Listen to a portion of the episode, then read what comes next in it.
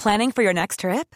Elevate your travel style with Quince. Quince has all the jet setting essentials you'll want for your next getaway, like European linen, premium luggage options, buttery soft Italian leather bags, and so much more. And is all priced at 50 to 80% less than similar brands. Plus, Quince only works with factories that use safe and ethical manufacturing practices. Pack your bags with high-quality essentials you'll be wearing for vacations to come with Quince. Go to quince.com slash pack for free shipping and 365-day returns. Den där, den här bruden som du håller på med, eller nyss älskade. Prata inte för mycket nu. Det här är en podd. Mm. Ja. Kan vi klippa tillbaka? Ja, jag får klippa i början. Nöden har ingen lag. Avbryt. Välkomna till ett nytt avsnitt av podcasten Cyril och Stig. Cyril, det är jag, Cyril Hellman. Stig är författaren Stig Larsson. Podcasten produceras av Contro. Dagens gäst är Åsa Lindeborg. Åsa doktorerade i början av 2000-talet på en avhandling om Socialdemokraternas historia. 2007 kom hennes första skönlitterära verk Mig äger ingen. En bok som blev en stor succé och även har filmatiserats. Ett år senare tillträdde hon som kulturchef på Aftonbladet och är så än idag. Okej, idag sitter vi hemma i mitt kök på Kungsholmen och välkommen säger vi till Åsa Lindborg. Tack. Stig, du hade en idé om vad vi skulle tala om. Jag hade en tanke om att vi skulle diskutera vänsterns situation idag när jag uppfattar att, att vi befinner oss i ett ganska akut läge. Alltså jag lämnade vänstern 1973. Vad blev du istället då? Nej, jag lämnade inte dem, men jag var inte längre alltså, aktiv. Jag var, Ja, du var inte organiserad? Nej, jag var med i RRna då, alltså deras Mm. ungdomsförbund. Först var jag med i FNL-grupperna och sen så gick jag med i RRna, eller deras Vietnamorganisation. Solidaritetsfronten för Indokinas folk. Men sen så upptäckte jag att det, vi växte inte tillräckligt mycket för att det skulle kunna bli en revolution. Mm.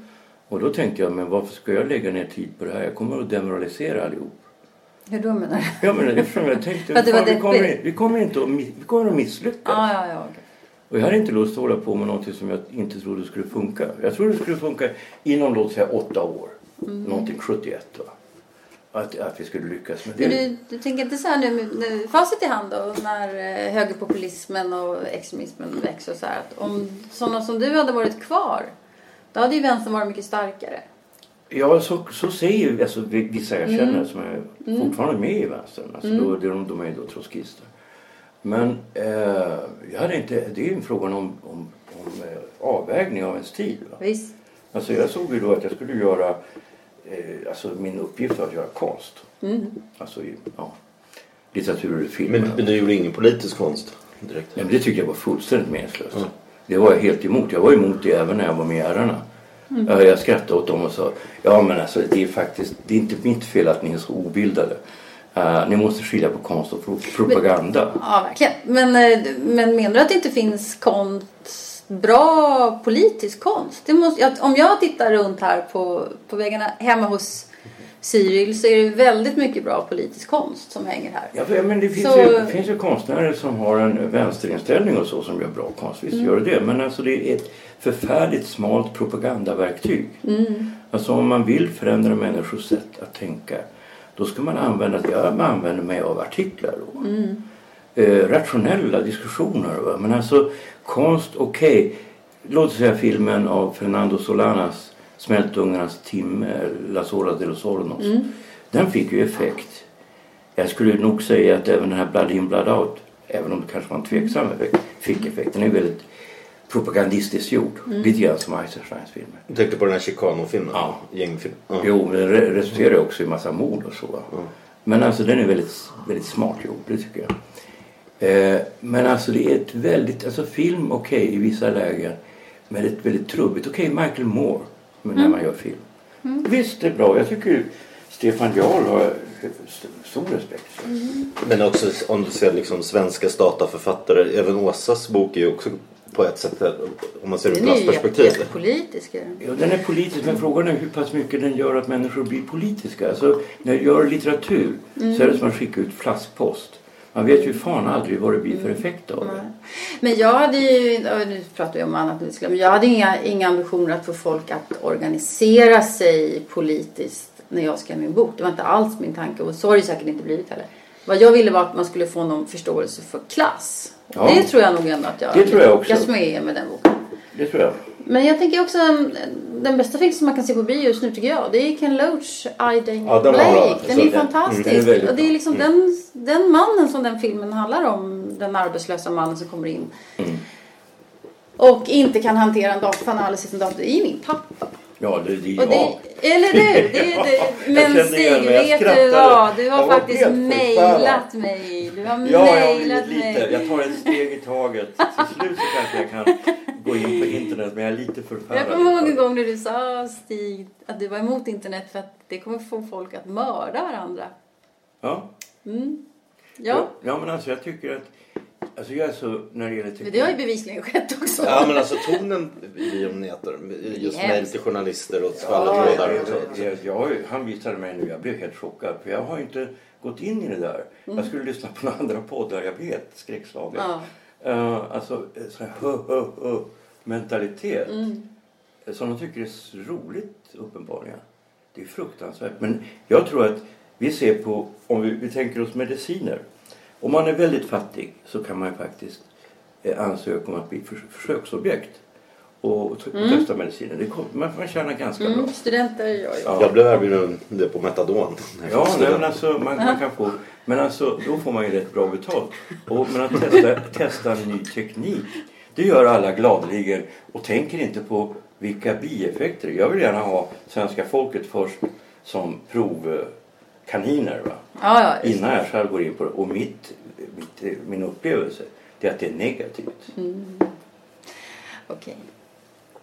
Men vad, det, det som vi ville tala om det var väl hur, hur på hur vänstern att man idag har tappat det här lite. Som du också varit inne på i dina artiklar. Klassperspektivet för, för det är mycket etnicitet och genus som, som Ja, alltså jag upplever att det finns ett, ett problem. Då, då vill jag gå tillbaka till 71. Alltså när ärarna bildades 1970 så var ju det, det handlade om gruvstrejken då. Men det fanns någonting som var underliggande och som de gjorde nästan explicit. Att de ställde sig emot det, alltså det som hette KFML och sen blev SKP. Det var därför att de var från övre medelklass, medelklass eller överklass. Va? Och att de eh, körde en sorts vänsterstil som de explicit förbjöd. Så när du gick på demonstrationen skulle du vara välklädd och så. Och för de menade på att man stötte bort arbetare, och vilket var helt riktigt. Eh, alla som inte då explicit tillhörde vänstern föraktade ju de som är vänster. Och de och tittade på ärendena, de finns fortfarande kvar. Hur många vänsterorganisationer från tidigt 70-tal eller 60-tal finns kvar i Europa? Ingen. Och det handlade om att de här, dels så handlade det om att de, de drevs av medlidande.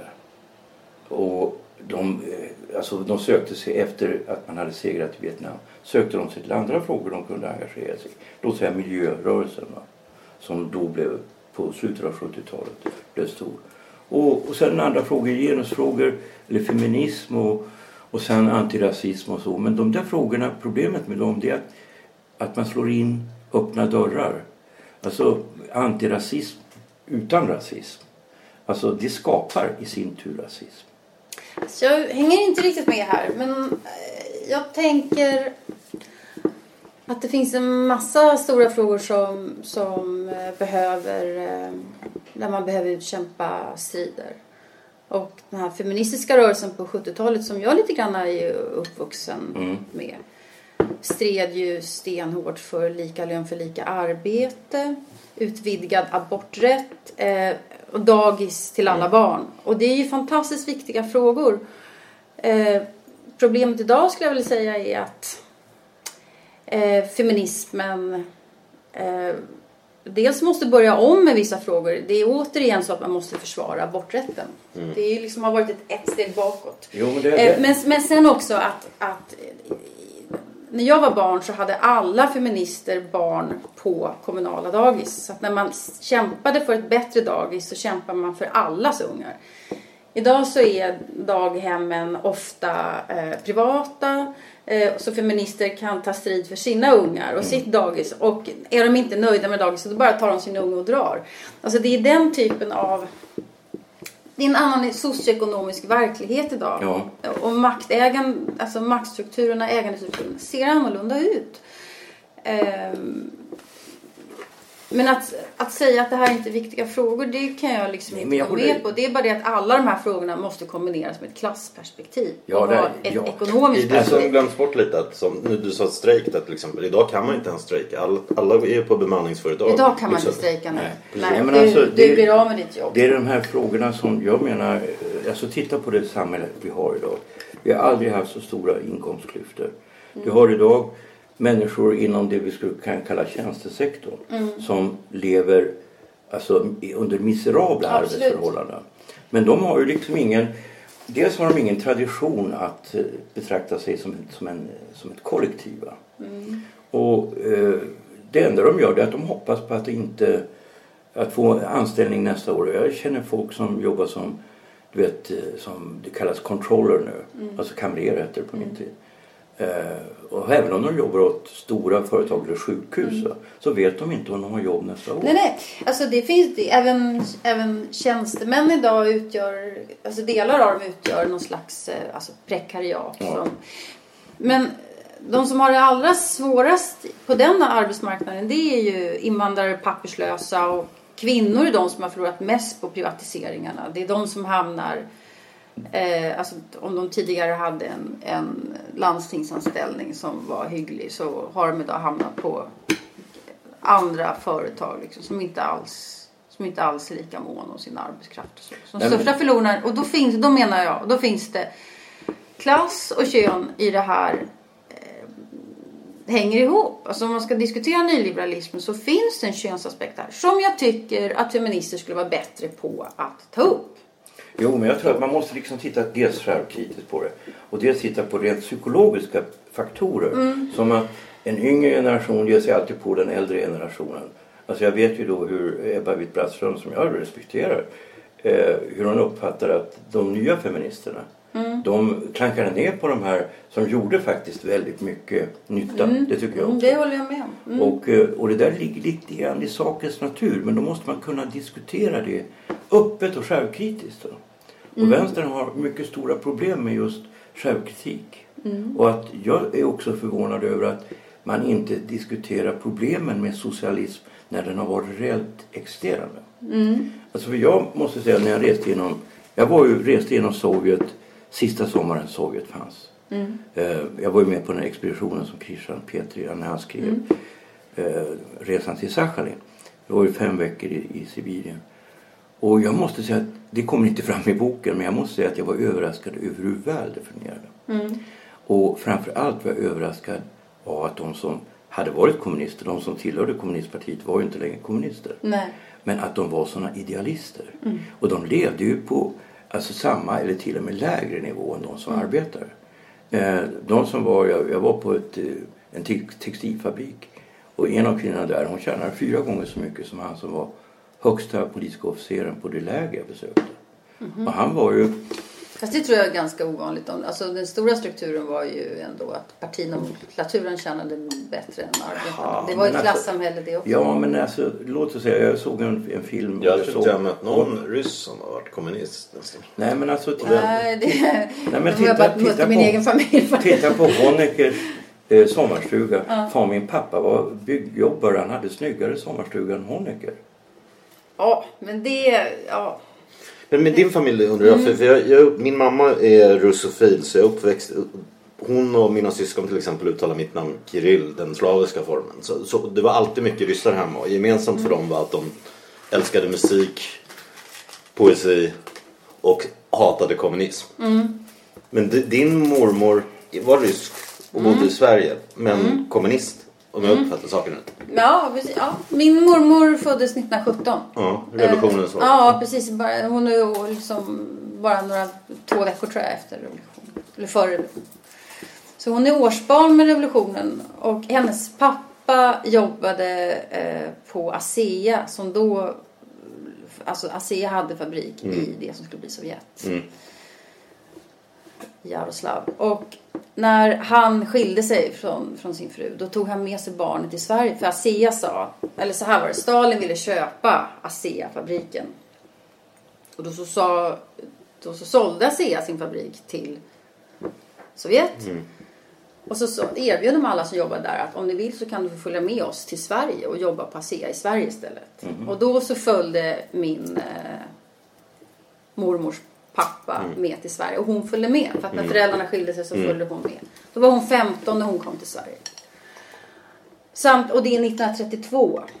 Och eh, vad hon gör då efter ett tag det är att gå med i Sveriges kommunistiska parti. För att när Hitler mobiliserar nere på kontinenten då är hennes självklara svar eh, att eh, antifascismen eh, den måste helt enkelt stå på en revolutionär röd grund.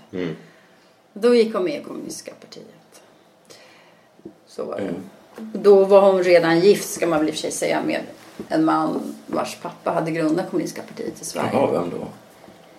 Eh, han hette, min riktiga morfar hette Rune och pappan hette Bertil. Alltså var med och grundade Västerås Ja, ja, eh, avdelningen. Ja, ja. Så jag kommer från en familj där man är pionjärer. Din mamma var riksdagsledamot också Ja för just, Vänsterpartiet. ja, just det. Precis. Men också eh, arbetarfamilj. Så att det Mm. politiska medvetandet har, har också haft ett, eh, ett klassmedvetande. Det blir ganska explosivt då kan man säga. Mm, Ja. Men jag är ju uppvuxen med alltså, väldigt, så många legender från andra världskriget. Alltså det som man, det som man alltså direkt efter kriget när Metallarbetarförbundet strejkade för, för högre löner. Och hur de blev svartlistade. Eh, men sen också hur de gömde judar under andra världskriget i mammas föräldrar hem. Mm, mm. Eh, för det gjorde kommunister helt enkelt. Så jag är uppvuxen med många av de här antifascistiska legenderna. Som är också skapat någon form av släktstolthet och vad man nu Ja, ska jag säga. Alla familjer har ju sina historier. Men du tänkte sina, skriva någon, någon bok om din mamma också? Eh, ja, eller ja, eller mer om min mormor tror jag att jag Mm. skulle göra. Men jag måste skriva en annan bok först. Jag ska skriva en bok om populism. I, Göran Ja, men vi Det skulle vara ett bra komplement med, om du har gjort det om pappan och mamma. För du bodde hos mamman också ibland. Ja, ja, Eller- ja, visst, absolut. Ja, men jag har ju jag har ju en jättebra historia på mammas sida. Men Ja, ta den när du känner för det. ja, visst, det är bra stil. ska man tänka. Man ska alltid tänka så. Så Vissa man- grejer får man vänta i Så 10-20 ska man år. tänka. Men om man tänker min morsa som ju ändå då också var arbetarbarn.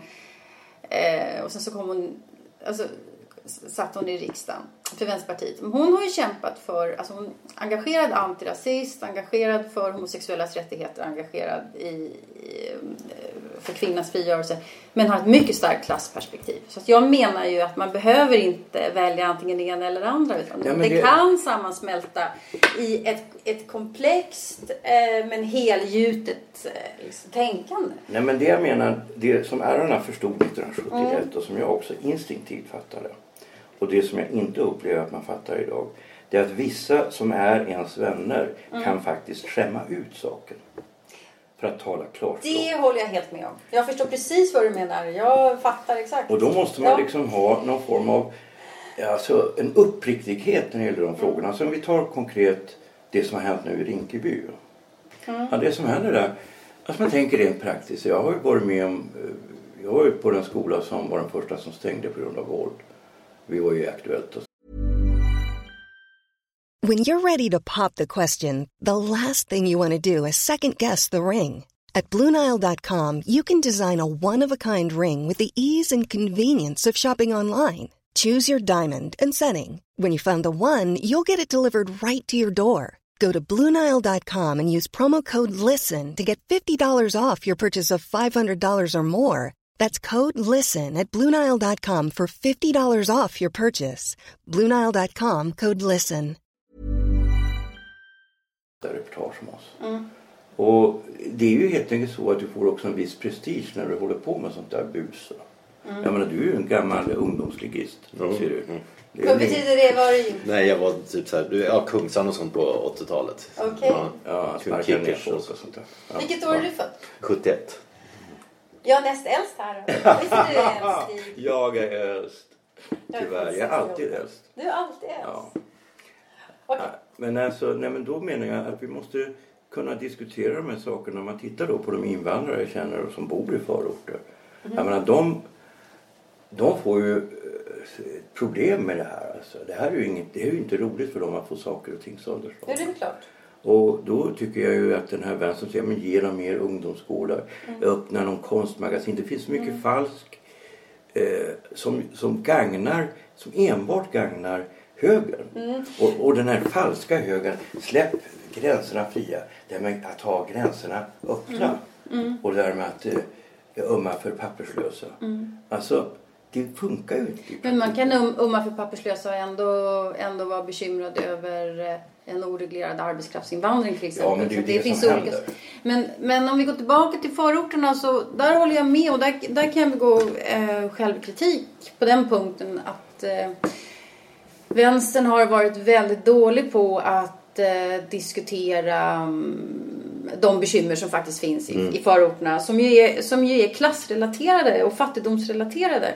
Därför att om vi går med på att det finns problem där så spelar vi Sverigedemokraterna i händerna. Och så kan man ju inte hålla på och resonera. Jag menar, alltså, problemen är reella. Och sen tror inte jag heller att man kan lösa det genom en konsthall eller en ungdomsgård eller så. Utan det måste till eh, helt andra grejer. Att man lär sig prata svenska, att man utbildar sig, att man, kommer, att man får jobb. Att man får en framtidstro. Man Men det här är samhällen där det inte ens finns, det finns inte post. Det finns, finns fan ingen. Nej, de enda som har pengar är kanske gangsten som kommer i en snygg bil. Liksom, som Ja, det finns robot. liksom en tobaksaffär och matfaciliteter, ingenting. Så det är, det är klart att det är jätteproblem här. Och, de- blir, och att förneka det och svika de som bor där. Nej, men Men Och de är tycker ju själva, de som bor där, att journalister och politiker kommer bara på besök när det brinner vidare. Ja, ja visst. annars. Absolut. Det, det, det ligger väldigt mycket i det. Ja. Nej men då menar jag att hela den här frågan om när de, jag var ju väldigt oroad när de hade, när det var så många flyktingar som kom till Sverige. Mm. För jag insåg att det här kommer att bli big problem. Eftersom Sverige har varit så extremt dåliga på att integrera invandrare. Framförallt så är det ju svårt att hitta... Alltså jag blev, jag blev också stressad när det kom 160 000 därför att jag tänkte hur ska vi lyckas få... Vi hade redan för få lärare till exempel så det Ja. behövs väldigt många pedagoger. Utbildning här är ju en, en nyckel faktiskt för integrationen. Så där blir jag också stressad. Det finns inte ens skollokaler, det finns... Ja. Och sen, där- alla, sen också, det, det börjar ju alltid... det kan, ja. Gangstrar är alltid de som är först ute genomskådande ett sätt att tjäna pengar. Det blev ju nu när alla behövde husrum.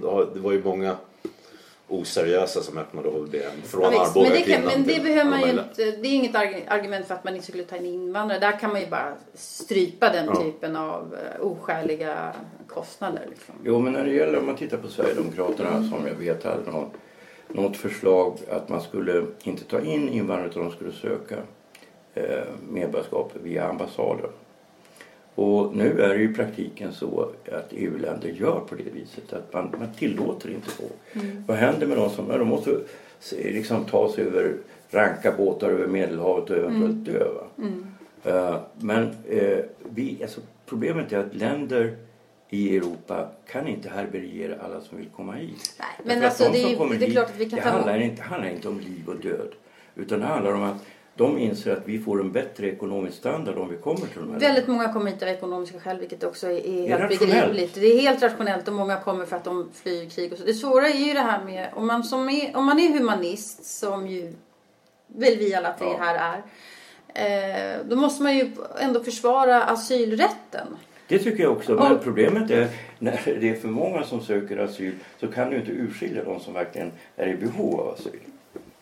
Nej, det, nej visst absolut. Det är jättestora Och, det- och när, det blir, när det bedömningssvårigheter. blir på det sättet att de som är populister har sakligt sett rätt. Alltså vänstern har alltid levt på att kunna liksom suga till sig intelligenta människor. Därför att de har stått på sanningens sida.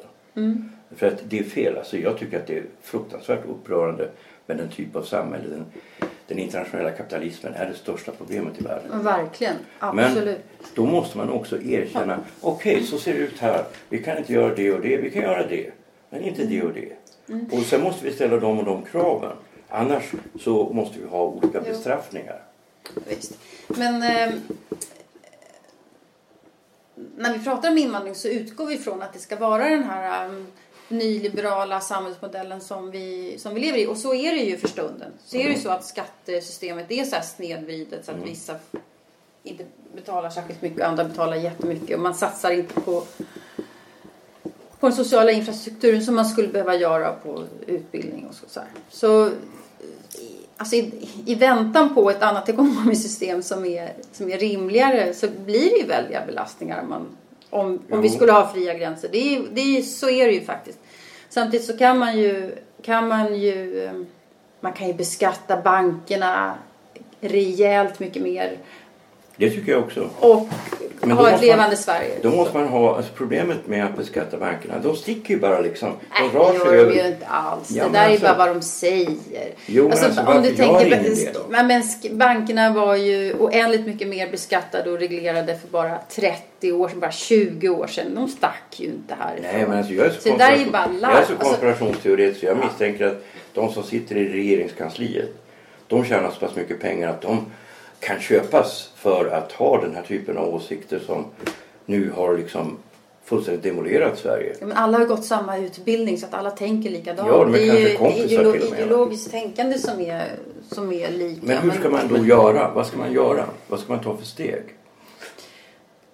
Men du, du, du blir kritiserad för att du hälsade på Nya Tider på Bokmässan. Mm. Kan man se det så som att den har misslyckats med att, att ta debatten med Sverigedemokraterna? Ja, men jag det är en viss typ av arbetare som röstar på SD Ja, men jag tycker, istället för vänster. Ja, jag tycker det. Jag har ju, har ju genomgått en eh, självkritisk fas här. Eh, för jag tänker att man som intellektuell ska man alltid vara självkritisk. Vi har i Sverige väldigt länge istället för att diskutera de, de eh, problem som faktiskt finns oavsett om det handlar om invandring eller inte utan bara samhällsproblem överhuvudtaget frågor som, som populister håller på med så har det stämplats som ja, att man spelar Sverigedemokraterna i händerna eller att de är fascister, punkt slut. Och det blir... Eh, det fungerar inte riktigt därför att de flesta som röstar på Sverigedemokraterna är inte fascister och känner sig inte som fascister men upp, uppfattar att de har en massa, massa problem. Man kan ta, man kan ta ett sånt här exempel. Eh, de pensionärer som är gamla nog att ha det gamla pensionssystemet de röstar fortfarande på, Sverigedemokrat, eller på Socialdemokraterna. Men de unga pensionärerna som är drabbade av det nya pensionssystemet som är mycket, mycket sämre de röstar på Sverigedemokraterna.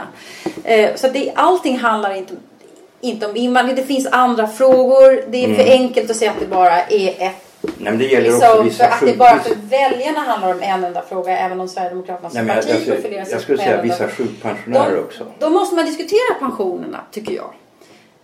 Ja. Alltså sjukpensionärerna som jag känner på Lilla Essingen. ja. Alltså de har ju en sån bedrövlig ekonomi. Det är ju fruktansvärt att se dem. Jag ser dem komma gående. För de handlar då på matpressen. För det är billigare där. Mm. I rullatorer i liksom snö. Och alltså, ser hur de, hur de lider. Ja, alltså det finns massa fattigpensionärer och de flesta är kvinnor. Så återigen Ja. här så finns det liksom en könsaspekt som, man, som man skulle kunna lyfta fram som feminist. Eh, Men det är klart att man måste kunna prata om de problem som faktiskt finns. Tyvärr så har det varit så ett tag här att ehm, det har varit svårt att komma med samhällskritik därför att man tror att man spelar Sverigedemokraterna i händerna.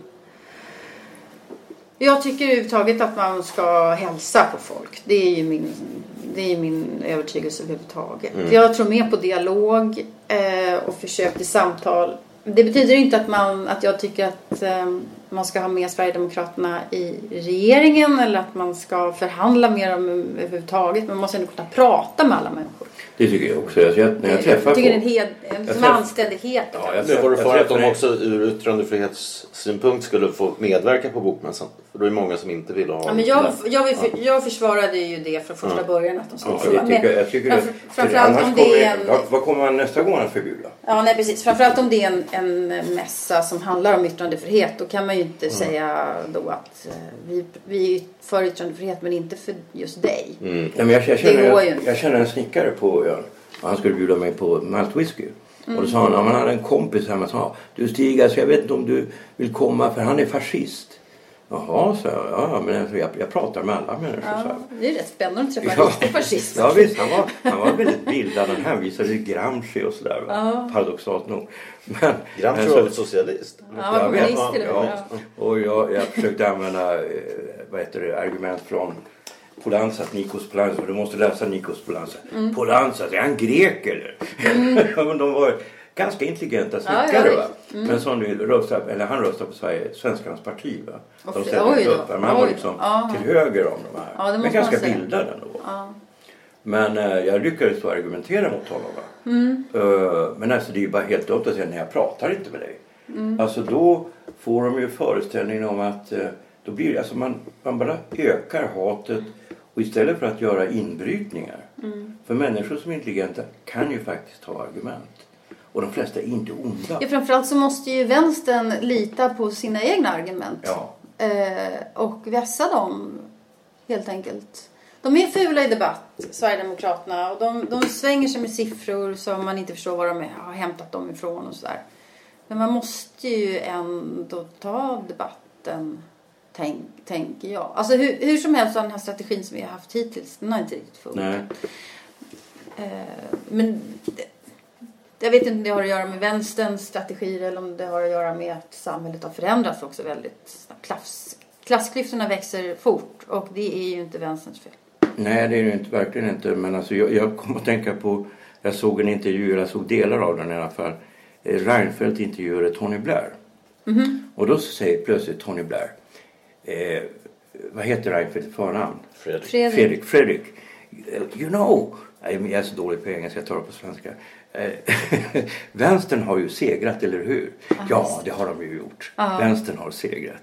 Och då måste man verkligen fråga sig, vad menar de då med vänstern? Ja. Ja, det är där de menar socialdemokratin har ju, om de menar det, men den har ju förändrats verkligen. Som nu, Ja. läste ni Jan Guillous den här krönikan i Ja. helgen? Om Bodström satt tydligen i den där styrelsen för de här som blåser pensionärer till exempel på hundratals Är de helt samvetslösa? Ja, han är ju också styrelsen för såna här äh, privat, de här, de här vinstmaximerande friskolorna och sådana grejer. liksom. Ja, han blåste mig på 50 000 dessutom.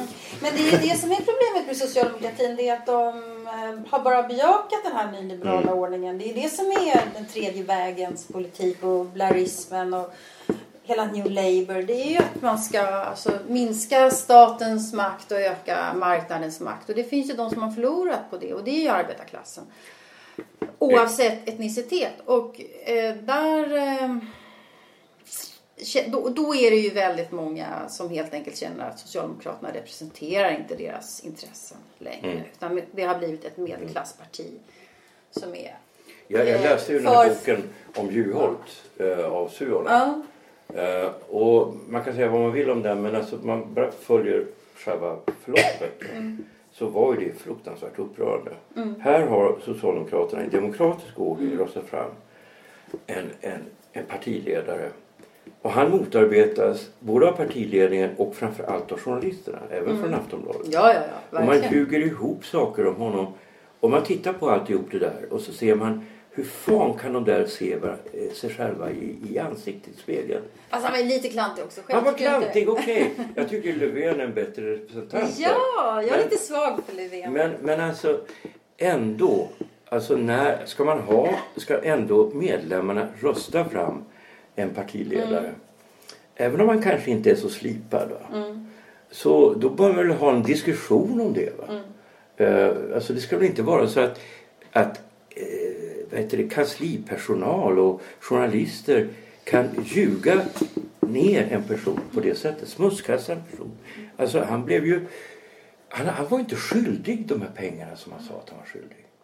Det är ju fruktansvärt. Men det var, han slirade ju på sanningen med, med lite andra saker. Ja, han var lite, han var lite Men det fina, det fina var ju att han ändå gav ett, sossarna ett hopp om att det skulle bli en annan, ny, radikalare socialdemokratisk politik.